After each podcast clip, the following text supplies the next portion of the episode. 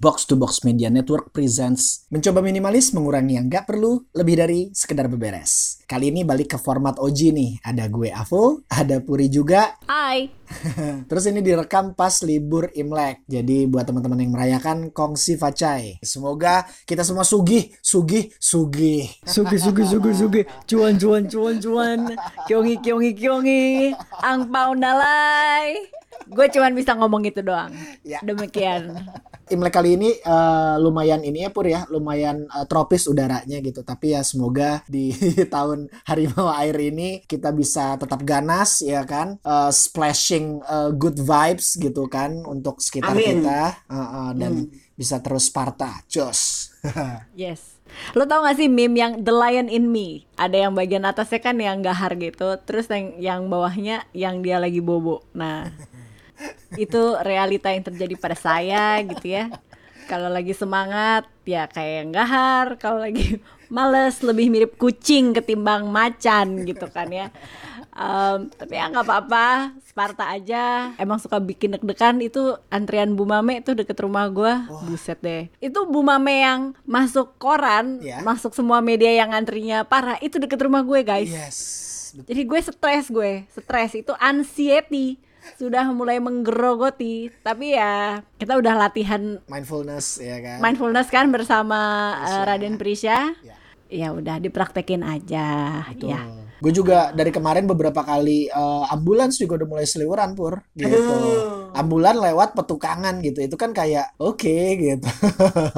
trigger trigger trigger trigger sih. Ya. Tapi nggak apa-apa kita jaga prokes terus aja buat temins yang belum sempat booster juga sempetin aja karena udah mulai banyak nih ya eh, serbuan vaksin eh, booster ya kan yang gretong-gretong asal udah keluar tiketnya eh, di Peduli Lindungi eh, dan udah berjarak 6 bulan dari vaksin yang kedua langsung takis jos kiri kanan biar kayak jackass ya kan Kayak itu dong. kayak Bang joki joki, Joki vaksin ya kan sampai 16 kali buset lu mau jadi Hulk apa gimana itu ceritanya? Gila sih. Tapi lebih penting lagi shout out untuk teman minimalis kita yang suka DM dan semakin sering mention. Terima kasih banyak ya. Ada ada Risme, ada Dimas Prasetyo dan bener. harus kasih eh, tepuk tangan dari jauh untuk satu orang yang menjadi eh, pemantik obrolan kita pada episode kali ini adalah Ahmad Mauladi. Jadi Yes. dia DM.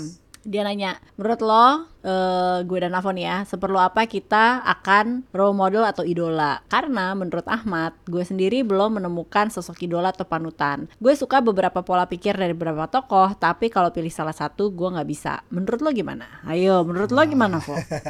Kalau dilihat dari artikel yang sempat kita baca ya eh, di Psychology Today itu role model itu bisa memudahkan kita karena biar gimana pun juga kan manusia tuh butuh peta ya, butuh contoh, butuh label, butuh suri tauladan mungkin ya kalau bahasa ininya ya, bahasa santunnya gitu. Nah, kalau ngomongin soal role model sendiri, waktu gue masih kecil gue inget banget nih Pur. Pas gue lagi SD, gue kadang suka nginep di rumah guru ngajinya nyokap gitu. Jadi eh, kebetulan guru ngaji nyokap ini udah kayak kakek buat gue gitu. Jadi gue eh, sering tuh nginep di rumahnya tuh. Nah, suatu hari gue menemukan eh, buku yang judulnya 100 tokoh yang paling berpengaruh dalam sejarah. Buku ini ditulis sama Michael H. Hart. Ke 100 tokoh ini bukan cuma sekedar eh, list, tapi juga di ranking pur gitu. Jadi dari ranking 1 sampai ranking 100 gitu. Ranking satunya siapa? Masih inget nggak? Ranking satunya waktu itu juga sempat memancing kontroversi pur gitu karena Adalah? karena Michael H. Hart menempatkan eh, Nabi Muhammad sebagai tokoh yang paling berpengaruh dalam sejarah. Wah, itu eh, untuk kalangan dunia barat sendiri waktu itu ya sempat bikin heboh ya karena kayak "Oh, kenapa lu taruh doi di situ gitu. Hmm. Soalnya soalnya Yesus nomor tiga. Kebayang nggak lo ibaratnya ya kan perpecahan. Iya kan? Nah, kalau itu diterbitkan di Indonesia kan kita ada lima agama. Asli. Jadi ini kenapa urutannya itu ranking bukan kebersamaan gitu. Terus udah gitu Yesusnya setelah Isaac Newton lagi. Yes. Gimana menurut anda? Iya kan? Jadi ini uh, temen sini gue bacain uh, ranking 1 sampai 10-nya dulu ya, 10 besarnya dulu ya gitu. Jadi temen bisa punya gambaran siapa aja sih yang masuk daftar ini gitu ya kan. Yang pertama itu adalah uh, Nabi Muhammad, terus uh, nomor 2 itu ada Isaac Newton ya kan, seorang fisikawan, pencetus teori gravitasi uh, dengan berbagai hukum Newton yang lainnya. Terus di di posisi tiga ada uh, Jesus Christ, ada Nabi Isa. Terus di ranking 4 ada Siddhartha Gautama atau yang uh, di, lebih dikenal dengan uh, Buddha. Nomor 5 itu ada Konghucu. Konghucu ini adalah pencetus uh, ajaran Konfusianisme. Nomor 6 ini ada Saint Paul yang menyebarkan uh, ajaran Kristen ke seluruh dunia. Nomor 7 ada Sailun. Sailun ini adalah penemu kertas. Terus di posisi 8 ada Johannes Gutenberg. Jadi dia ini yang mengembangkan mesin cetak yang uh, dulunya dipakai untuk uh, mencetak Alkitab lalu kemudian uh, berkembang untuk mencetak literatur-literatur literatur lainnya. Terus di posisi 9 ada Christopher Columbus. Wah, ini yang yang nemuin Amerika. Tapi nyasar dia tuh. dia kan maunya ke India. Betul. Saya nggak paham bagian itu. Tapi ya udahlah. nah, di ranking 10 ada Albert Einstein yang nemuin teori relativitas. Lu bayangin di usia gue yang masih SD gitu, nalar gue belum jalan banget, wawasan gue juga belum luas banget, gue udah terpapar sama daftar ini pur. Kan penasaran dong gitu kayak kenapa nih gitu, kenapa ini ditaruh di sini, kenapa ini hmm. ditaruh di atasnya ini atau kenapa ini ditaruh di bawahnya ini nih. Nah, yeah. Tapi kemudian gue setelah gue ulik gitu ya kan, memang belum semua nama yang ada di daftar itu ya yang yang gue udah ulik gitu. Tapi dari situ konsep role model itu tercipta buat gue pur bahwa hmm. oh ternyata kita bisa berpengaruh ya terhadap sejarah dunia hmm gitu. Jadi setiap orang ternyata bisa punya kesempatan untuk bisa contribute something yang impactful sampai bisa masuk ke dalam sejarah dunia, bukan sejarah lokal doang gitu ya kan. Mm. Uh-uh. Mm. Dari situlah gue kayak wah marbotnya. Ya ya. Temins ini uh, direkam dalam kondisi kalau uh, ada marbot musola juga yang lagi ada pengajian di masjid belakang rumah gue. Jadi uh, mudah-mudahan bisa menjadi episode yang ini ya. uh, bisa jadi siraman rohani. Oke. okay. Tapi kan uh, uh, tadi waktu lo ngomong, lo kan terpapar sama si buku ini gitu yeah. ya adegannya kan lu lagi di musola ya kan? Atau ke guru ngaji gitu. Pertanyaan adalah jadi bisa ngaji apa enggak? Ngajinya alhamdulillah lancar. Tapi yang lucunya adalah gue tidak pernah membahas buku ini sama ustadznya nyokap gue gitu. Jadi nah, gue gimana sih? justru gue ah jadi buku ini justru gue bahas sama teman-teman sekolah gue sama teman-teman sekelas gue.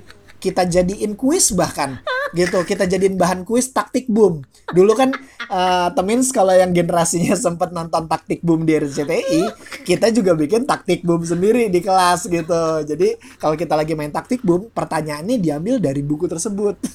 Gitu. Jadi udah udah udah sotoy gitu. Tapi dari situ gue melihat bahwa kayak oh ya ya ya Gitu. Terus ya, ini gue lagi ada list ntar gue kasih deh link kayak uh, uh. Adolf Hitler nomor berapa? nomor 39 kalah kalah dia sama Nabi Musa Nabi Musa nomor 15 Iya kan? Nah itu juga itu juga list itu juga unik tuh Pur karena Michael Echard bilang gue sebetulnya muak banget nih untuk masukin Hitler ke dalam daftar ini. Tapi memang nggak bisa dipungkirin dia punya pengaruh yang begitu besar gitu di masa kekuasaannya yang mungkin cenderung singkat dibandingkan sama uh, diktator-diktator lainnya gitu. Yeah, yeah. Tapi seru kan jadinya kan kita jadi yeah, kayak yeah, yeah. wah gitu. Nih ya asal jangan ini aja ya kepleset menjadikan Hitler sebagai role model ya.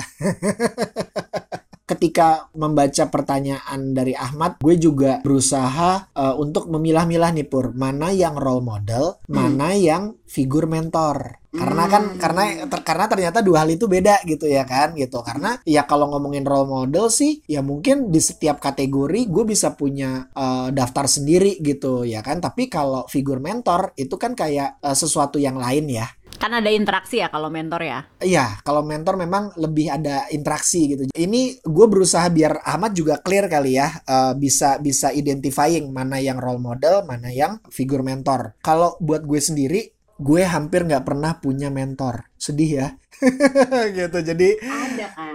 Ada, ada, tapi memang uh, Betul gitu. Jadi memang figur mentor gue tuh eh, nggak uh, banyak gitu, cuma sedikit. Gue lebih sering self taught atau ngajarin diri gue sendiri. Dan sekali sekalinya gue punya ya cuma itu pur gitu. Almarhum Bang Tino Sarunggalo gitu. Itu juga uh, kenalnya istilahnya kita berinteraksi juga cuma sekitar enam tahunan mungkin ya gitu which is itu sangat pendek gitu. Gue belum sempat nyerap semua ilmunya beliau tuh udah keburu mangkat gitu. Dan uh, ya sampai sekarang kalau lu tanya gue pur gue masih terus mencari figur-figur mentor yang baru nih. Tapi kalau role model versi gue ya Rocco Siffredi Waduh. uh, selamat datang di generasi Vivid Entertainment. Kalau Anda nontonnya Pornhub, Babang Avo nonton yang lain dulu. Kalau yang terpapar sama Tarzan X kan, nah gitu tuh Rocco Siffredi tuh. Jadi yang karena ini role model, lu mau mencontek apanya dari Rocco Siffredi? Hmm? Tolong nih perjelas. Kalau mau nyontek apanya sih tentu saja skillnya ya. Skill karena, bikin dokumenter kan, kan uh, ada di Netflix. Betul, karena yeah. ketika gue nonton dokumenternya juga yang ada di Netflix itu juga memang dia baik itu off screen atau on screen juga selalu berusaha menjadi rekan kerja yang profesional dan punya pendekatan personal yang enak juga gitu pur. Gitu. Mm -hmm. jadi nggak hanya gak, saja gak, industrinya industri dewasa betul. gitu kan ya. Karena industrinya sendiri kan udah cadas gitu pur. Kita banyak lah ngelihat kasus-kasus kekerasan gitu kan yang terutama yang terjadi di industri dewasa. Nah Roko sejauh ini tidak menjadi bagian yang melakukan kekerasan tersebut gitu. Justru dia sangat full consent dia dia bertanya dia memastikan kenyamanan dari para koleganya caranya kayak gitu-gitu gitu. Tapi skillnya sih ya tentu saja ya. Pengennya sih ukurannya ya pengennya sih ukurannya yang bisa diadaptasi ya. Cuman kan nggak mungkin ya karena itu udah rezeki genetik ya. Jadi ya. Iya iya iya iya iya. Ya. One can hope. Mungkin nanti ada temuan-temuan teknologi terkini kita tidak tahu, Bang. Ya kan? apalah robotik apa gitu yang bisa menjelaskan skillnya Maerot dengan lebih saintifik gitu ya. Ya ya ya, nah kalau lu sendiri gimana pur? Lu, lu sempat ada role model nggak pur? Hmm, gue mengamini semua yang uh, Ahmad bilang ya. Maksudnya bahwa ada tuh beberapa yang kita salut dengan pola pikirnya kita serap juga ilmunya. Tapi kalau pilih salah satu gue gak gak pernah ada sih. Justru punyanya adalah anti role model. Jadi uh, orang yang jangan kayak gitu gitu. ya, ya, ya, Kalau versi Indonesia saya nggak berani bilang nanti saya kena UU ITE ya. Jadi nggak nggak versi orang Indonesia ya. Tapi Babang Avo sudah sudah tahu lah kita kalau obrolan belakang layarnya jangan kayak siapa ya kan. Betul. uh, cuman gini deh ini, ini versi yang aman dan gue yakin akan memantik percakapan ya abis ini. Elon Musk, dia kan orang pinter ya. Dia punya Tesla, dia punya SpaceX gitu. Dan tentunya gue mengapresiasi apa pun temuan-temuan yang dia kepalai ya. Karena kan bukan yang nemuin ya timnya gitu. Yes, he's a genius gitu. Tapi gue nggak mengamini dan kayak ini orang burn out kali ya habis kerja 120 jam per minggu gitu ya. Terus namu di Joe Rogan terus dia giting terus kasih komen-komen yang nggak penting. Abis itu sahamnya anjlok gitu kan. Terus dia marah-marah lagi di Twitter gitu. Belum lagi sekarang kan dia jadi semacam kayak tim pom-pom di dunia ini ya blockchain Bitcoin kan gitu. Jadi kayak hmm, uh, ya oke okay lo genius tapi ini kenapa ya kayak ada yang korslet lo kadang-kadang gitu satu tweetnya bisa bikin harga Bitcoin melesat atau anjlok gitu kan kayak yeah. wow gitu. Iya, yeah, tapi mungkin dia kan bermain power ya di situ sebagaimana kita tahu ini ranah baru orang yang punya duit paling gede dan punya kuasa akan punya pengaruh gitu. Bisa juga gitu. Yeah. Um, cuman kadang-kadang gue yang kayak nih ini orang tuh sane gak sih lu teh eling apa enggak sih sebenarnya gitu. Jadi kayak ini direncanakan atau tidak sih? Gitu kayak gitulah. Nah terus ada juga bentar lagi harusnya dibikin film orang ini. Mm -hmm. dan udah resmi jadi kriminal ya. Uh, adalah Elizabeth Holmes. Dia tuh penemu disebutnya waktu itu ya CEO Theranos. Ya startup ya. Yang dianggap waktu itu groundbreaking banget karena lo bisa ngetes darah dengan hanya bermodalkan apa sih kit personal gitu ya yeah. terus habis itu nanti hasilnya langsung kebaca padahal itu semua nggak benar yes. sampai akhirnya ada ada yang ngaduin kan mm -mm ada yang ngaduin dan ternyata itu dianggap fraud, yeah. penipuan dan itu kayaknya putusan pengadilannya baru tahun ini deh. Yeah. Dan ya udah dia kriminal, dia narapidana udah sekarang gitu.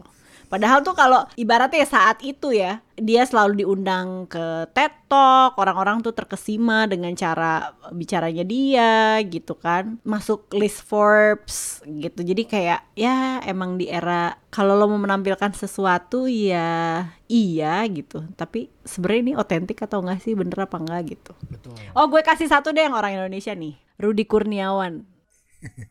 Keponakannya Edi Tansil Gue baru berani ngomong karena dia udah di penjara, di penjaranya di US lagi. Dia itu koleksi wine. Di dunia ada berapa sih orang ngerti wine? Segelintir. Dan itu kan kalangan elit gitu ya. Ya. Dia itu dapat respect dari kalangan elit di US. Cuman akhirnya kesandungnya gara-gara dia jual wine oplosan, guys. Udah berasa booster gila. Gitu. Dan itu itu baru ketahuan setelah beberapa tahun dan ada yang kan kalau wine anggur itu kan suka dilelang Yes. Semakin prestisius semakin jarang orang nyari. Nah itu bisnisnya dia. Maksudnya bisnis tipu-tipunya dia kayak gitu. Yang dia jual itu yang dia lelang itu oplosan guys. Dicampur itu sama itu kayak. ada booster. Booster versi US dateng ke rumahnya di lupa ya pokoknya California gitu. Ada label-label ah udah deh malu-maluin. Kayak booster asli.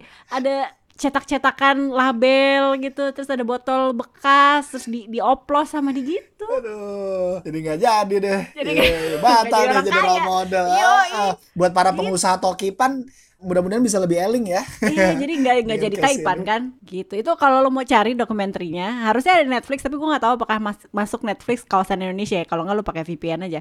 Sour Grapes. At least dari sini kan Temins bisa ngeliat ya bahwa it's okay to have role model. It's okay kalau lu memang nggak punya role model yang memang lo uh, idolize banget gitu. Tapi the most important things adalah Temins uh, bisa yang ngambil yang baik-baik, nyingkirin yang jelek-jelek gitu. Dan ya diadaptasin aja tuh gitu kelebihan-kelebihan dari orang-orang ini, dari figur-figur ini agar Temins bisa jadi better version of yourself. Iya, itu fluid kok yang nentuin kita gitu kan. Betul. Dan tergantung mau arahnya ke mana. Kalau nggak kembali ke bukunya Babang Avo ada 100 orang yang berdampak di dunia. Pokoknya dari daftar itu yang jelas Temins bisa ulik-ulik lagi, bisa lihat-lihat lagi gitu kan. Mudah-mudahan bisa banyak nemuin role model yang baru, yang jos, yang cocok sama Temins, yang bisa uh, bantu Temins jadi better person juga. Kesimpulannya pilih sendiri kesimpulanmu.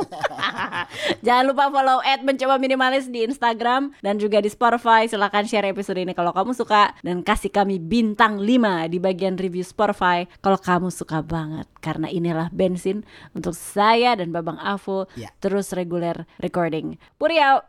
Jams. Bye for now.